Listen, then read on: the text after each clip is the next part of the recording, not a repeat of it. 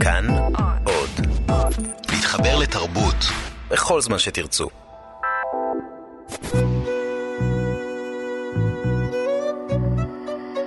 ליסה פרץ משוחחת.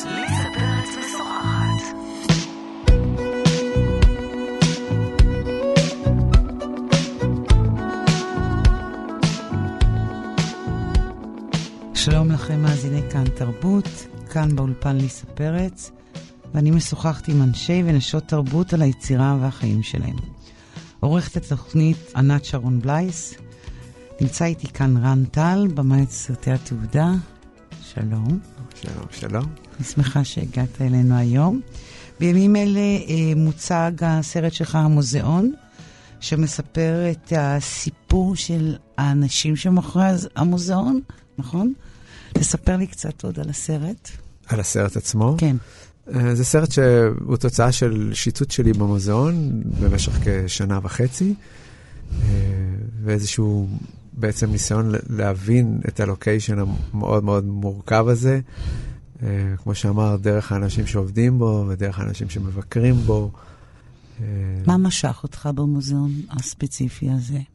אני חושב שזה תהליך שאת יודעת שעשיתי, שאני כבר הרבה זמן מתעסק סביב מקום. זאת אומרת, המונח הזה, מקום, מעסיק אותי כבר די הרבה שנים.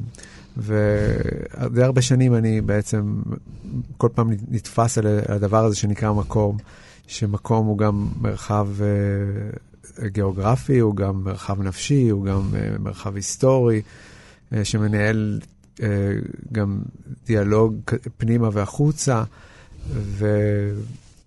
ואחרי שהתעסקתי עם עם מקומות קצת יותר שוליים, כמו המכון לרפואה משפטית באבו כביר. מלך בן צבי, כן, 67. ואחרי זה גם התעסקתי עם, עם הקיבוץ כאיזה מרחב של זיכרון, לא דווקא מרחב קונקרטי. אה, הלכתי משם לסחנה, וחשבתי כאילו מה, לאן אני הולך הלאה. וחיפשתי כן איזה מקום קצת יותר מרכזי, זאת אומרת, מקום שכ... שיש בו מימד לאומי, הייתי אומר. ואז אה, כמובן ירושלים, ועם ירושלים היה כמה מועמדים. הכנסת? לא, הכנסת פחות, זה היה או יד ושם או מוזיאון ישראל. זאת אומרת, אני מאוד אוהב מוזיאונים, והרגשתי שבמוזיאון ישראל יש את המימדים האלה, ש, שהמקום הזה שאני מחפש מקיים, של ליירים, של משמעויות, של קונפליקטים שהמרחב מייצר, שהשימוש במקום מייצר. ואמרתי, יאללה, ננסה, כאילו, למרות שזה, אוקיי, מוזיאון ישראל. מה רצית לגלות בתוך השיטוט הזה? אני לא באמת ספצ... יודע, אז את יודעת, כשאני נכנס, אני באמת לא... משתדל לא לשים איזושהי מטרה ולהוכיח אותה. אני חושב שזה תהליך ארוך של מחקר, שאני תמיד עושה, שהוא גם uh, בהתחלה המון להבין, לקרוא בכלל מה זה מוזיאון, ההיסטוריה של מוזיאון ישראל, במקרה של מוזיאון ישראל. אה, התפקיד של המוזיאונים והמוזיאון הספציפי הזה, אה, אודיו-ויזואלי, מה נעשה כבר, איזה עבודות אומנות נעשו. לנסות באמת להגיע מוכן מבחינה תיאורטית, ו... ואחרי זה אני פשוט מתחיל קצת, את יודעת, כמו איזה מחקר שדה כזה של אנתרופולוג, לשהות שם תקופה מאוד מאוד ארוכה עם המחברת הקטנה שלי, ואני, סליחה, נכנס לאנשים, בהתחלה הם קצת נרתעים, ולאט לאט הם רואים שאני בן אדם ביישן, וזה לא כל כך נורא, עד שאני באמת הופך קצת להיות אחד מהעולם שלהם. וכל הזמן לרשום, לרשום, לרשום את הטקסים, את התהליכים, כל מיני מחשבות ורעיונות. ואני חושב שעד שנגמר הסרט, ואפילו רק כשאני מתחיל לדבר עליו, איזה חצי שנה, אני אולי מבין... מה עשית? מה עשיתי, כן. איך יוצרים באמת סרט שהוא לא מצד אחד סרט תדמית, למוזיאון, מצד שני הוא, הוא סרט דוקומנטרי שעומד בפני עצמו, איך זה לא גולש למקומות שבהם אה, זה באמת עושה יחצנות לס... למוזיאון. אני חושב שזו שאלה שרלוונטית לכל מקום שאני מתעסק איתו. כאילו, המוזיאון ישראל הוא, לכל אחד יש את המוזיאון שלו, לכל אחד יש דעה עליו, יש, הוא, הוא מעורר המון רגשות אצל כל מיני אנשים. אז השאלה הזאת כביכול יותר חריפה. אבל גם סרט על הקיבוץ, את יכולה לשאול את אותה שאלה. גם סרט על... אה, על הסחנה. על הסחנה את יכולה לשאול את אותה שאלה. זה לא באמת שונה. איך באמת אתה עושה את המרחק הזה? המרחק מהמושא של הסרט שלך, שהוא בעצם, אתה יודע, מוזיאון ישראל אה, זכה לסרט משל עצמו, לא הרבה מוזיאונים בעולם זכו, בוודאי לא בישראל. לא, לא, זה תת-ג'אנר מאוד uh, קיים, סרטי מוזיאונים. כן, אבל לא בישראל. לא בישראל, כן. ובמובן הזה זה מין, יש מי שיכולים לראות אותו כסרט סוג של יחצנות, תדמית למוזיאון. אז את יודעת, זה מי, שרואה, השופ... זה מי שצופה יכול לראות. אני אה, משתדל לנסות בעצם דרך המקום, שהמקרה הזה, אני כל הזמן חוזר על המקום הזה, אני משתדל בעצם, מעניין אותי דרך המקום להתבונן על המקום הגדול יותר. זאת אומרת, במקרה הזה, דרך מוזיאון ישראל להסתכל על החברה הישראלית, על הדבר הזה שנקרא הנפ... הנפש הישראלית, שמבחינתי זה אותו דבר כמו הסחנה, או כמו הקיבוץ, או כמו המכון לרפואה המשפטית. אה, זה לא סרט על המוזיאון, אני חושב שאני משתמש במוזיאון, במקרה הזה, כאיזשהו פריים, כאיזה חלון הצצה, אה, למשהו שמעניין אותי בכלל בפרויקט הציוני, בפרויקט הישראלי. אה, וכמובן בוא נדבר ש... רגע על הנפש הישראלית שאתה מחפש אחריה, ובעצם כל גוף העבודה שלך, כמו שאמרת קודם, הוא בעצם עוד ועוד uh, תחנות של חיפוש. למה יש לך עניין כל כך עם הדבר הזה, עם הנפש הישראלית? אני לא יודע. אני חושב כי אני חי פה, לא? סיבה מספיק טובה. אה, אוקיי, זו סיבת הבסיס. כן, זאת אומרת, לנסות להבין את ה... יש משהו, אה, אני חושב, שמעניין אותי המון זמן, זה העניין הזה של אוטופיות, אוקיי? ויש משהו מאוד חריף בתוך הציונות ובתוך היהדות, שהשאלה האוטופית כל הזמן מבצבצת ומכניסה איזשהו מתח פנימי שהרבה פעמים נגמר באסון כזה או אחר לאורך כל ההיסטוריה. ו... ואני חושב שרוב המקומות שאני מחפש ל... ל... לשהות בהם ולהרהר בתוכם, בעשר שנים האחרונות, אני חושב שיש בהם את המימד הזה. אה, וברגע שיש איזשהו מימד אוטופי, אז יש מפגש עם המציאות, ויש קונפליקט, ויש כאב, ויש כישלון שבנוי באוטופיה, שהיא שום מקום בעצם, החיבור הזה בין מקום אה, לשום מקום. אה, וזה איך תמיד מת, מתחבר ל, למקום המאוד מסוכסך הזה שנקרא ישראל, אה, שמאוד מחפש את הזהות שלו בצורה אובססיבית, אינסופית. אה, ללא מנוח בעצם, מתוך איזו תחושת אה, דחיפות, בלבול, חוסר מוצא, כמיהה, תקווה, ייאוש, זאת אומרת, כל הדברים האלה כל הזמן מרובבים בתוך החיפוש הזה אחר זהות. ומוזיאון ישראל, יותר מהכל, מכיל את זה ב-DNA שלו עצמו בעצם. אני לאורך הסרטים שלך, ילדי השמש, והסרט על הסחנה, גן עדן, אמ, אני זיהיתי ב, ב, ב, תמיד איזה משהו נורא, שיש בזה מלנכוליה מסוימת, ב, גם בהשקפה שלך על המושאים שלך. כלומר, זה נראה נורא יפה וכזה נורא זוהר, וכמו שאמרת, אוטופי. וכשאתה מתחיל אה, לעבוד על הסרט, כלומר, שמתחילים לראות את הסרט, יותר נכון, אז משהו מהזוהר הזה ישר מתפוגג, זה לא נראה זוהר כשאתה מסתכל על זה מבפנים. זאת, זאת החוויה שאני חוויתי מהסרטים איתך. אתה מסתכל על הסחנה, אתה אומר, וואו, איזה מקום יפה ופסטורלי, ואז אתה רואה את האנשים, וקצת העליבות, וקצת את הפרובינציאליות. זה, זה מבט של אדם, אה, לא אדם מלנכולי, אלא מבט מלנכולי על המקום שאנחנו חיים בו. יכול להיות, אני... זה נראה נורא יפה מבחוץ. אבל... יש, יש אני חושב, אני, אני, אני מחפש כל הזמן שיהיה איזשהו אה, קונפליקט, אפילו בתוך הפריים, זאת אומרת שה, שהעבודה אה, יהיה בה משהו פואטי, כמו שאת אומרת, אבל גם משהו סאטירי או גרוטסקי, אה, שיהיה בה לפעמים איזו אכזריות מסוימת, אבל גם חמלה. זאת אומרת, אם אני מצליח להכיל את כל קשת הרגשות האלה, כן. אז אני חושב ש... אני מגיע לאיזשהו אניגמטיות שהיא תמיד מעניינת באומנות, שהיא לא עד הסוף סגורה, את יודעת, זה לא אקסל, שיש איזה פתרון בסוף, זה בעיקר מעורר שאלות. כי זה מתעסק בבני אדם. כן. כל הסרטים שלך. כן. בני אדם. כן, חיים אני, ומתים. אני בני אדם, אני חושש, למרות שזה לא נראה ככה. אבל תחשבי נגיד על הסחנה כאיזה מין... אה, גן עדן כזה, שהם המציאו לעצמם את הביטוי שהם גן עדן. אבל זה לא גן עדן בכלל. והאנשים שיצרו אותו, הארכיטקטים, יהלום וצור, הם דיברו על זה שהאדריך, מה התפקיד לדעתם של אדריכל הנוף, לייצר איזה מקום כזה שאתה יכול לבוא ולחלום, זאת אומרת לצאת שנייה מהמציאות, אפרופו אוטופיה. ואת הולכת וזה סגור ויש שער ואת צריכה לשלם כסף לגן עדן הזה, ואז את נכנסת ו... והוא באמת, הוא נראה, יש בו את כל האלמנטים המאוד גרוטסקיים של תרבות הנופש הישראלית, שהיא לא כל כך מעודנת, היא... וולגרית. היא וולגרית, היא... פרובינציאלית. היא מעושנת, היא מזיעה, היא לא אסתטית אה, כביכול, למרות שאני נורא אוהב את האסתטיקה הזאת. ואז אני מרגיש הרבה שהתפקיד של המצלמה הוא כאילו לחדור מבעד לעשן המנגל ולהתקרב לאנשים, אה, וכן לראות את היופי שלהם, לראות את החיפוש שלהם, את הכאב ש... שהם נוסעים איתם בעצם, גם אם הם נכנסים לגן עדן הזה, הם יצטרכו לצאת. אה, זה, זה, איך זה... אתה קונה אמון של, של אנשים בתוך הסרטים שלך? אתה, אתה זר, אתה הזר שפולש להם לכל מיני באמת המקומות שלהם והלוקיישנים של, שלהם, ואיך אתה בעצם הופך להיות חלק אינטגרלי ו... בתוך המקום הזה.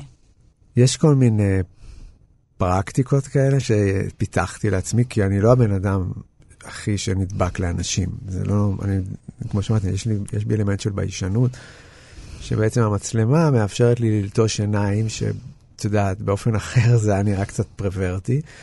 אני זוכר שעשיתי את הסרט על המכון לרפואה משפטית, אז באתי לתחקיר שם באינתיפאדה, זה היה אחת האינתיפאדות הראשונה, אני חושש.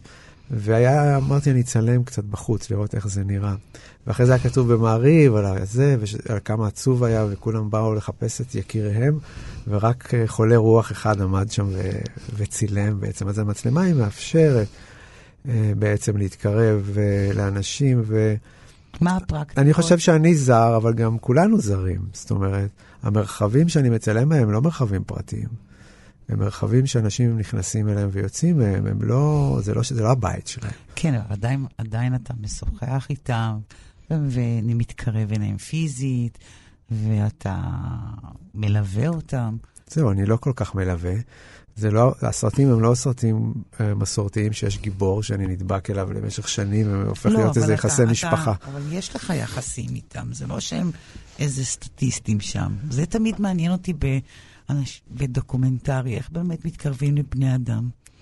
אז אני חושב שאני פיתחתי בגלל שאין לי את היכולת הזאת ואת הצורך הזה להיות דבוק לעוד בן אדם למשך כמה שנים ולנהל איתו איזה מערכת יחסים מאוד מורכבת, בוא נגיד בעדינות.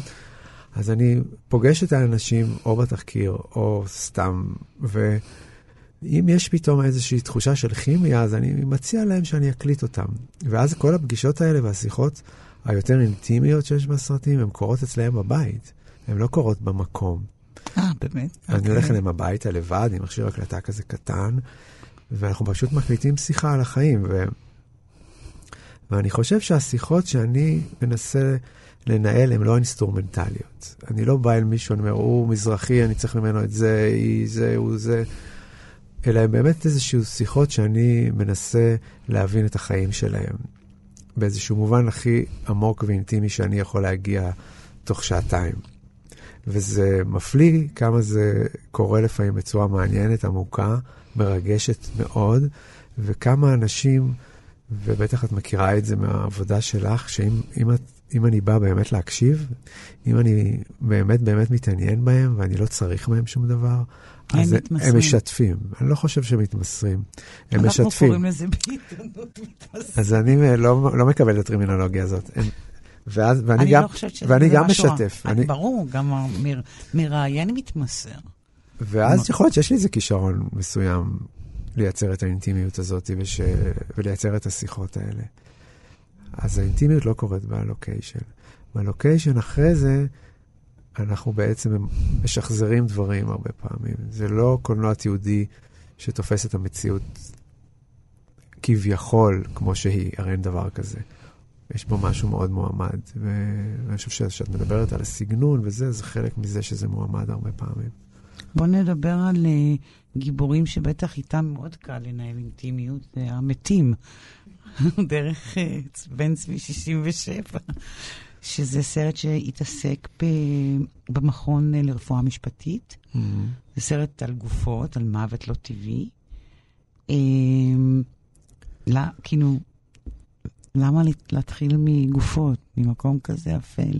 אני, אני לא באמת יודע, באמת, היה, היה, למה זה כאילו, אני צריך להתחיל לעשות פסיכולוגיה, ואני קצת מתרחק בכלל מהעולם הזה של הפסיכולוגיה. כי? כי הוא קצת מחלה של המאה ה-20, אני חושש, האלמנט הנרקסיסטי הזה, הפסיכולוגיסטי, ואני חושב שאני יותר מתעניין אה, בהיסטוריה, בפוליטיקה, בסוציולוגיה, ו, ופחות ולמה אני עושה את מה שאני עושה.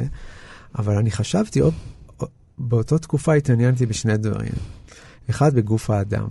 גוף האדם לא כמו שהוא אה, מוצג בפרסומות, בעולם הוויזואלי המאוד, אלא גוף האדם כמו שהוא, ברגע הכי כביכול עלוב שלו, אבל אפשר להגיד גם איזה רגע מאוד מאוד אנושי, שכבר, זה כבר גופה, זה כבר לא גוף. אה, הלכתי אפילו ללמוד אנטומיה, בשביל להרגיש את זה, ורק בשביל לראות אותם מתעלפים בשיעור הראשון, בשנה א' באוניברסיטת תל אביב, הייתי, הצטרפתי קצת לקורס הזה. אה, ודבר שני, חשבתי שזה עוד איזשהו חלון הצצה לא סטנדרטי על, ה, על, על החברה הישראלית, דווקא דרך האנשים... מה קורה לחברה הישראלית שהיא פוגשת באמת? לא, לראות את, את האנשים שמגיעים לשם, זה אנשים שנרצחו, נדרסו. נשרפו, אה, נהרגו בפיגועים, זאת אומרת, לראות את ה... להסתכל על זה דווקא, נפלו מבניינים. אה, וזה, חשבתי שזו פרספקטיבה שהיא גם, היא לא, אולי יש בה איזו פרוורסיה מסוימת, אבל היא, היא מעניינת. איך זה לעמוד ליד גופה ב, במכון הפתולוגי? איך זה? מתרגלים. לא, אבל... אני לא רוצה לדבר על המתרגלים, אלא על הפעם הראשונה שאתה נכנס לחדר כזה. אתה רואה מישהו, לא יודעת, זה, זה, זה על מה? על, על נירוסטה, או מה שזה לא יהיה, על, על מגש, או על... על מה זה יושב? כן, כמו בסרטים. כן, אוקיי. ומה התחושה? אני לא כך זוכר, זה כבר היה לפני המון זמן, ואני בן אדם בלי זיכרונות. אתה ממש. מוחק אותם? הם לא, לא, לא, לא, לא נשארים אצלי הזיכרונות. אולי מזה אני מקליט זיכרונות של אנשים אחרים. אבל אין לי זיכרונות כמעט, מכלום. אבל, אז אתה לא יכול לשחזר לי את הדבר הזה? כי אני חושבת שכל אדם שהיה נתקל בדבר הזה, זו חוויה שאי אפשר, אפשר לשכוח אותה, לא? זה מאוד עמום אצלי, כל החוויות האלה. אני, אולי בגלל שדיברתי על זה וזה, אני, אני, זה, זה, זה shocking מסוים. ברור שזה shocking לראות איך נראה הבפנוכו של בן אדם, או איך לראות בן אדם ש... אפילו ניתוח נראה לי זה נורא מזעזע. כן, יש איזה, יש איזה הסרה של המסכה האנושית, ונשאר הביולוגיה בעצם. אז יש בזה משהו מערער, ואולי גם אה, פותח למחשבות, אה, לראות איך פותחים את האדם, ובעצם מקלפים אותו מה... הפוזיציה האנושית שלו, ועל ידי זה שהוא מסירים אותה. מסירים את מה שאנחנו רואים, כי אנחנו לא רואים מה שיש בפנים. אז, אז יש בזה משהו... שוקינג. כן, כן. מעורר וגם בחילה. נכון, אני חושב, בהתחלה. אה, אבל גם יש בזה משהו מרתק. זאת אומרת, זה קצת, אי אפשר להסיר מזה את העיניים. כי אתה רואה משהו אמיתי, אתה רואה... אתה רואה גם את עצמך ביום מן הימים שככה יהיה. כן. כן. זה גם מפחיד נורא. נכון, זה קצת סוגר את, האש... סוגר את האשליה. כן. איך נתנו לך בכלל, אה, אה, איך משכנעים את מנהלי המכון לתת לך לצלם שם? לא יודע, באתי מאוד תמים, זה היה ההתחלה שלי. ואני חושב שבאותה תקופה דוקטור היס, שעמד במרכז של הרבה מאוד סערות ציבוריות. נכון, אני דווקא התיידדתי איתו. אוקיי. תספר לי באמת על היחסים שרקמת איתו במסגרת הסרט. אני, בגלל שאני לא מתעניין בשאלות עיתונאיות אה, של שחיתות, של חוסר סדר, של מנהל, של כל הדברים שבדרך כלל... אז אני, אני מחפש משהו אחר, אבל אני חושב שאנשים קולטים שאני לא בא כעיתונאי אה, רגיל. אני אני מחפש דברים אחרים, ואני חושב שדוקטור איס באותה תקופה מאוד התעניין באומנות. אני חושב שהוא בכלל בן אדם שהתעסק באומנות, באיזשהו, אנשים לא מכירים את הצד הזה שלו. והוא נתן לי כמה אומנים להיכנס לשם, ועשו שם כמה עבודות מאוד מאוד קשות לצפייה, לצפייה באותה תקופה, וזה יכול להיות שזה שירת אצלו צרכים שלו. זה נראה לך סביר שהוא עשה את הדבר הזה? אפשר לאמנים אה, אה, לעשות אומנות אה, כשהם חשופים ל... את עכשיו נכנסת לשאלות אתיות ש... כן. של המכון עצמו. אה, נראה לי לא סביר. אם את בודקת אומנים ש... שעבדו בחדרי מתים לאורך ההיסטוריה ולאורך המאה ה-20, את תראי הרבה הרבה דוגמאות uh, שעשו כן, עבודות אבל מאוד... נראה לי שאנחנו, אתה יודע, זה נראה לי משהו שהוא מאוד פרטי, מאוד uh, אינטימי הדבר הזה. לא יודעת, לאפשר דבר כזה, זה נראה לי חרים גם מגבולות הטעם הטוב של האינטימיות והפרטיות. נכון. אני חושב שפה את נכנסת לשאלות אתיות שהקולנוע התיעודי הוא מעלה אותן בחריפות, כי אנחנו בעצם מקליטים את המציאות ומשתמשים במציאות לצורך דיון על המציאות. אז יש פה איזושהי שאלה אתית שהיא לא יכולה להיפתר, יש איזו אה, סתירה מהותית בתוך הקולנוע התיעודי שהוא מנצל את, את המציאות, מנצל במרכאות את ה... את העולם בשביל בעצם לייצר איזשהו point of view עליו. וזה משחק מאוד מאוד מורכב, עדין, ו... ואני חושב שאני כן יודע לשמור על, ה... על הגבול הלא ברור הזה. היינו בכלל בהיס, על המערכת יחסים שלך כן. עם היס, אז רק תסגור את הפינה הזאת. אמרת שהוא אוהב מאוד אומנות. אולי אני טועה, אבל כשאני הייתי שם, הוא התעניין, ב... הוא פשוט אפשר. אז יכול להיות שהוא אפשר כי... שזה לא קשור לאומנות, שזה קשור לאיזה צורך שלו ליחסי ציבור, שזה צורך שלו להתחכך בעוד עולמות, אבל זה היה מאוד מפתיע שהיו שם כמה אנשים באותה תקופה שהוא אפשר להם להיכנס לשם, שזה היה נראה, כמו שאת אומרת, מאוד משונה ומוזר, אבל זה קרה, זה קרה. עד שהתחילו כל הפרשיות להיערם על פתחו, ואז הדלתות נסגרו. אולי זה קשור באיזשהו אופן, אתה יודע. איזה סוג של במאי אתה? לא יודע. אם אתה צריך להגדיר את עצמך. אני לא חייב, לא? אתה חייב. אתה מתבונן, מתערב, גם וגם.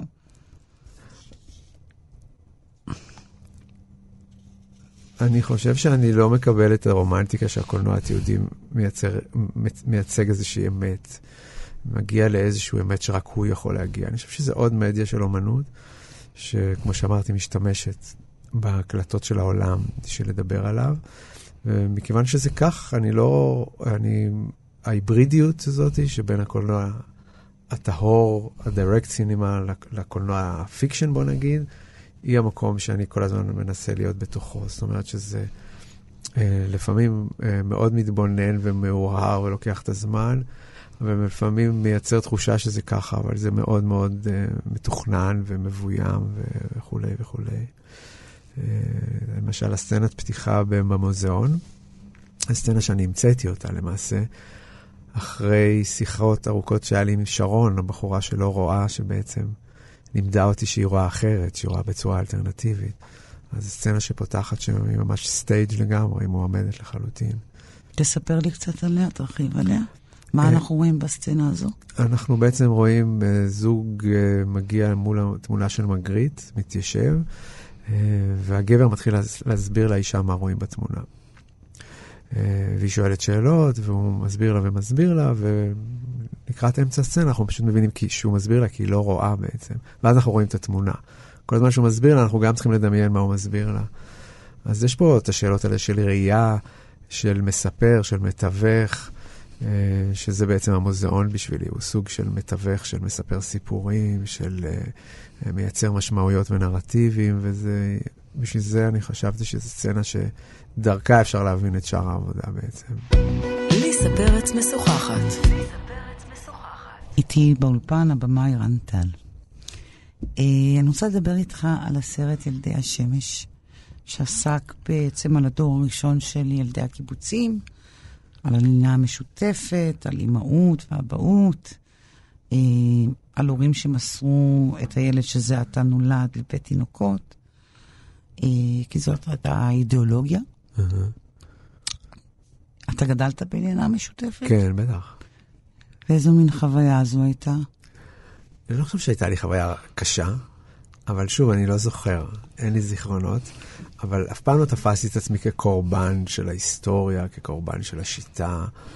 אה, אני חושב שהילדים שלי נולדו בתל אביב, וראיתי שהם הולכים לעבור ילדות שהכי רחוקה מהילדות שלי, חשבתי איך אני בעצם מתעסק בצורה ש... שכבר אז נראתה כל כך משונה, איך שאני גדלתי. משם נהיה הצורך שלי בעצם לחזור ו- ולהתבונן בזה, וחשבתי שהדור של ההורים שלי, שהם היו הדור של המהפכה, הדור של האוונגרד, הדור שהקיבוץ צעק כמו דת בעצם, זה הרבה יותר נכון להתבונן עליהם מאשר עליי. אנשים שבעצם חיו בקיבוץ עד שהוא התחיל לשקוע הרבה פעמים ועברו מסלול חיים שלם, ודרכם בעצם להבין עוד דברים.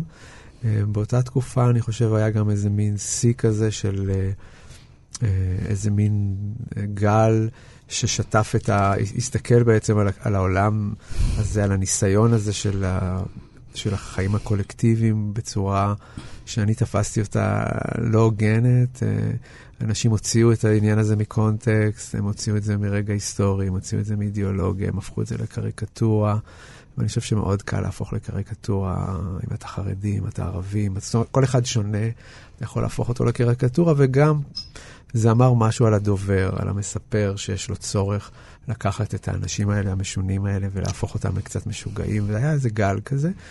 אה, ואני הרגשתי שאני רוצה לדבר על זה באופן אחר, זאת אומרת, בעצם הרבה התלבטתי מה, איפה הקטע שלי בתוך כל הסיפור הגדול הזה שנקרא קיבוץ, שדיברו עליו איזה מיליון שנה, ש, שבהתחלה זה היה פרופגנדה ציונית למקום הכי טוב בעולם, ואחרי זה בשנות ה-90 זה הפך למקום הכי סוטה בעולם, זאת אומרת, הכל היה כזה לא רציונלי ומאוד, אה, אה, כמו שאמרתי, יותר משקף את הדובר מאשר את הדבר עצמו. ובסוף הרגשתי שהמקום הכי רדיקלי שהם, שהם הלכו איתו זה המשפחה האלטרנטיבית שהם ניסו לייצר. אה, משפחה שבעצם מקיימת את הטקסים שלה בצורה קולקטיבית, שיתופית, ואפילו את הילדים האלה, הקדושים לאימא ואבא היהודים, הם בעצם מוסרים אותם באיזשהו אופן חלקי או לא חלקי לקהילה. וזה איזשהו מקום רגשי, אה, קונפלקטואלי, שיש בו הרבה כאבים להרבה מאוד מאוד אנשים, וחשבתי שזה אולי הזווית שדרכה רק אני רוצה להתבונן על הניסיון האדיר הזה. הכל כך uh, מורכב הזה שאנשים עשו בסוף על הגוף שלהם. באיזה ובש... גיל מסרו אותך לבית ילדים? אנשים... Uh, אותך. אותי, אני משער כמו את כולם, בגיל שלושה, ארבעה ימים. אוקיי. Okay. שיוצאים מבית חולים. ודיברת עם ההורים שלך על החוויות האלה של ההורות האלטרנטיבית? על העובדה שהם מסרו ילדים בגיל כל כך צעיר לבית ילדים? כל הסרט מתעסק בזה. כן. אז הרבה מהם זה המשפחה שלי, זה אימא שלי, אבא שלי לא חי כבר די הרבה שנים. זה הדודים שלי, זה, זה הדודים האלטרנטיביים שגדלתי איתם. זאת אומרת, כל אלה שמדברים בסרט, הם קשורים באיזשהו אופן ישיר אליי, לעורך. לשכנים, את יודעת, זה לא איזה מחקר אה, סטטיסטי. ומה זיהית אצל אמך, למשל? בנוגע להורות האלטרנטיבית הזאת דרך הסרט? מה זיהית אצלה? מה עלה ממנה? אני חושב שהאימא שלי בסך הכל שלמה עם זה. היא שלמה עם, ה... עם העובדה שהלכת לבית ילדים? כן, אני חושב שכן. אתה ואח... ואח... כל האחים, כן. כל... כן, אני לא חושב. אני חושב שיש אנשים אחרים בסרט שמדברים על זה בעצם כאיזה אובדן גדול, כאיזה פספוס של חוויה. שהם היו יכולים לחוות אה, ולא חוו אותה, אבל הסרט מתחיל קודם כל מהיחסים שלהם עם ההורים שלהם, ואז היחסים שלהם עם הילדים שלהם, שזה כביכול אנחנו, אני. אה, זה בעצם עושה מעגל של חיים כזה. והיא לא חוותה את זה כקושי.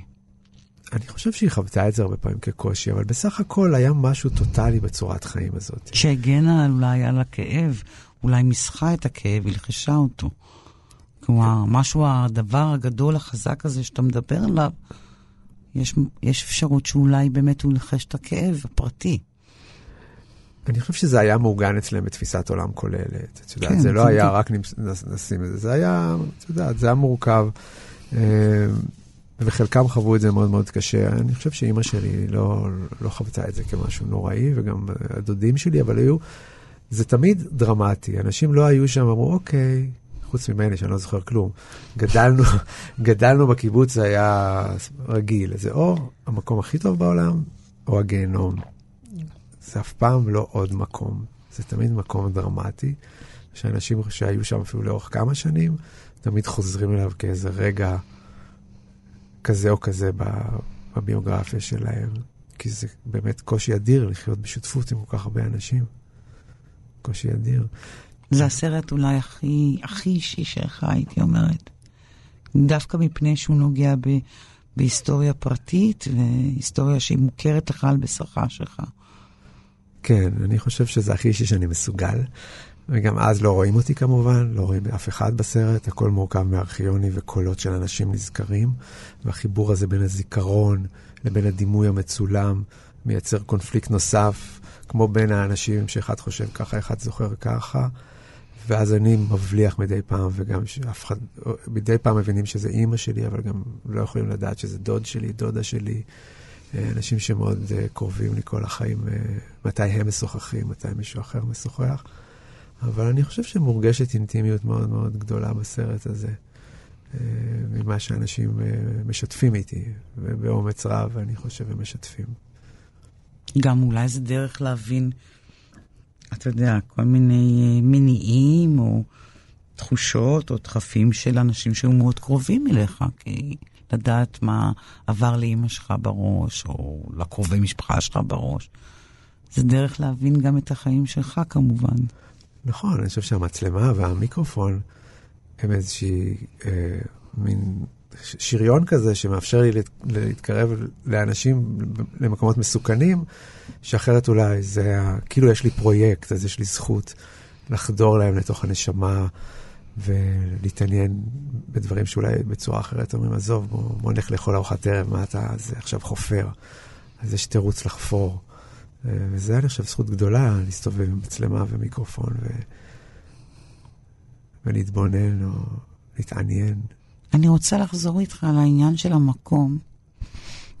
אה, פתאום חשבתי על זה, גם הקיבוץ וגם המוזיאון וגם המכון לרפואה משפטית, אה, לא ככה סחני, אבל שלושת המקומות האלה הם מקומות ש... שהם מרכז, כלומר, הם מקומות שהם לא פריפיאליים.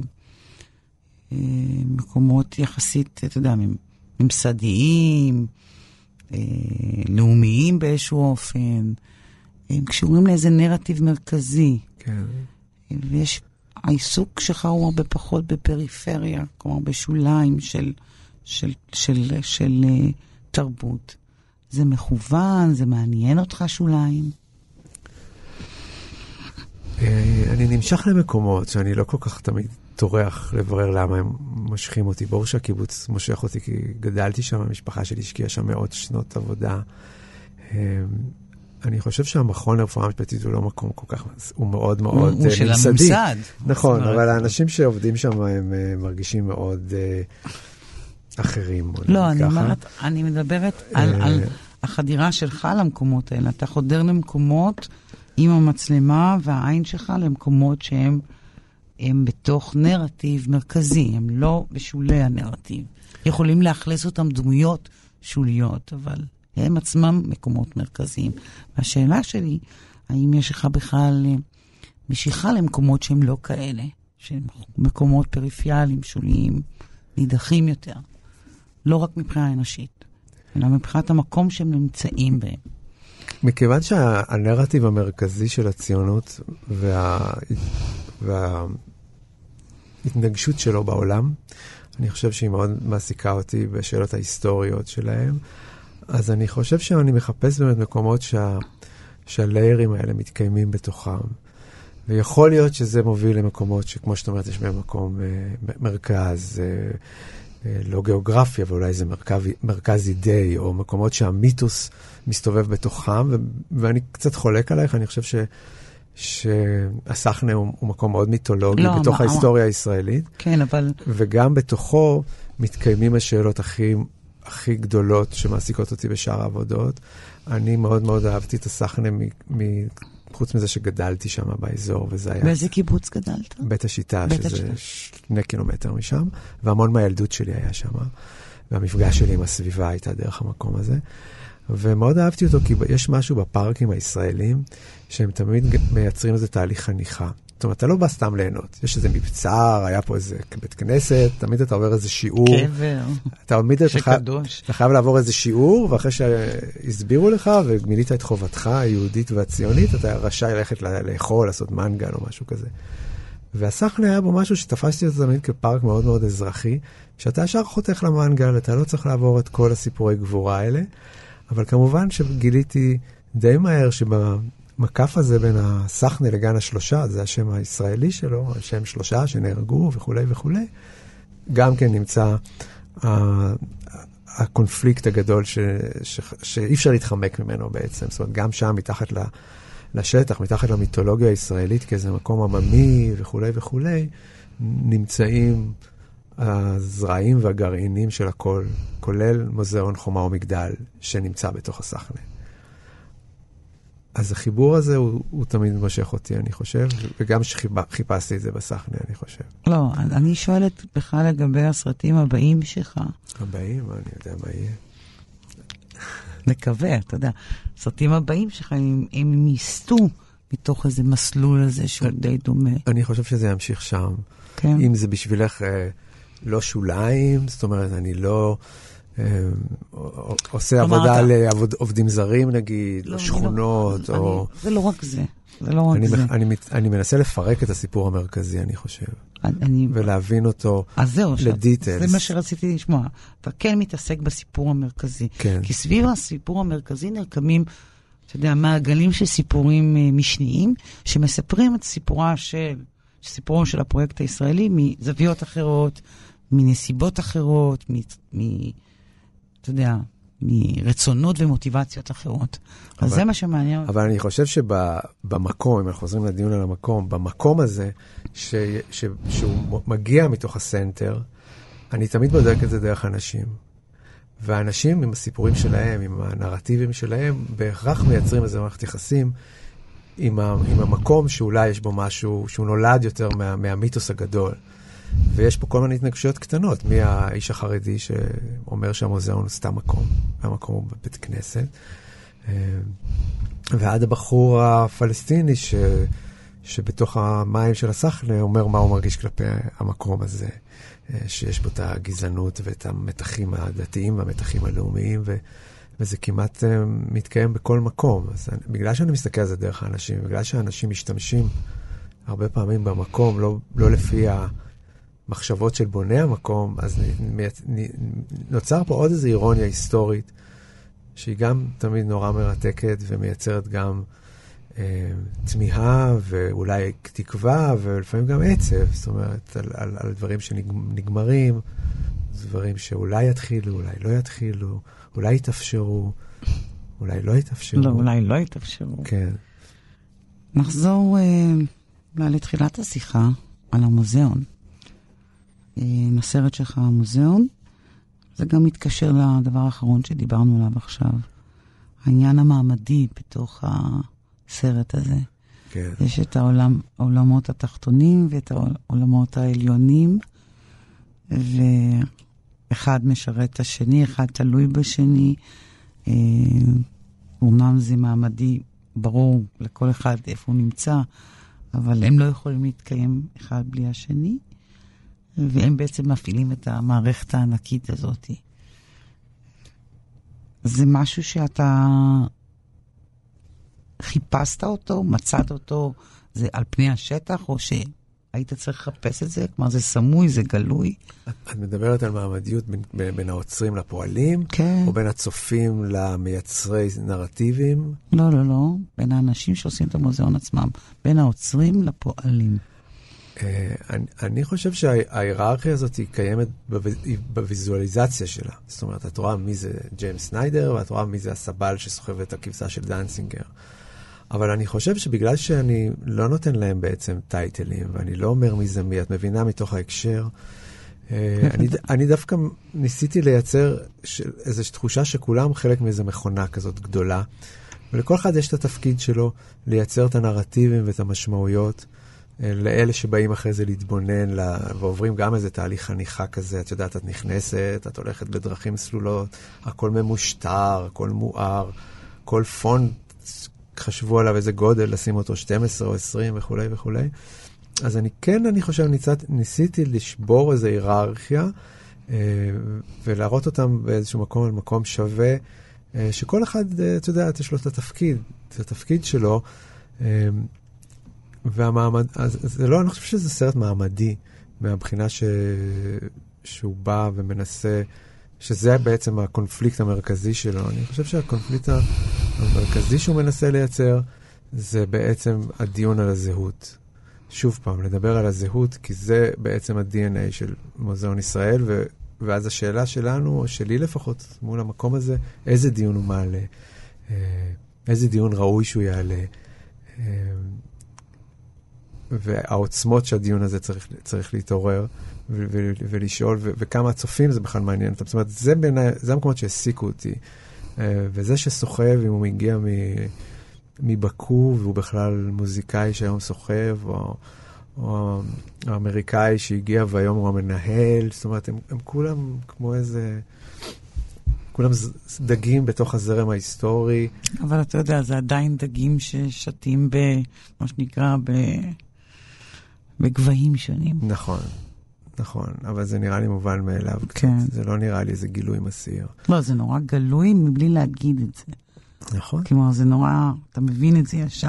אבל אל תשכחי שלמוזיאון יש גם למעלה ולמטה נוספים, של בין המודע לתת-מודע. זאת אומרת, הגלריות הם, ה, הם החוץ, הם המנורטב, הם המסופר, הם הבהיר וה, וכולי וכולי. ולמטה יש חצי מיליון מוצגים שצריך לבחוש בהם, וכמו בטיפול פסיכולוגי, כל פעם לחשוב מה מעלים למעלה ובאיזה הקשר. וזו השאלה, נראה לי, המהותית בשבילי במוזיאון ישראל, כי יחסים היררכיים יש בכל מוזיאון בעולם, מהסוג הזה שאת מדברת עליהם. אבל אה, שאלות כל כך אה, אינסופיות של אה, מה זה המקום הזה, מה זה הירושלים הזאת, מה זה הישראל הזה, מה זה הנפש הישראלית הזאת, זה שאלות ש...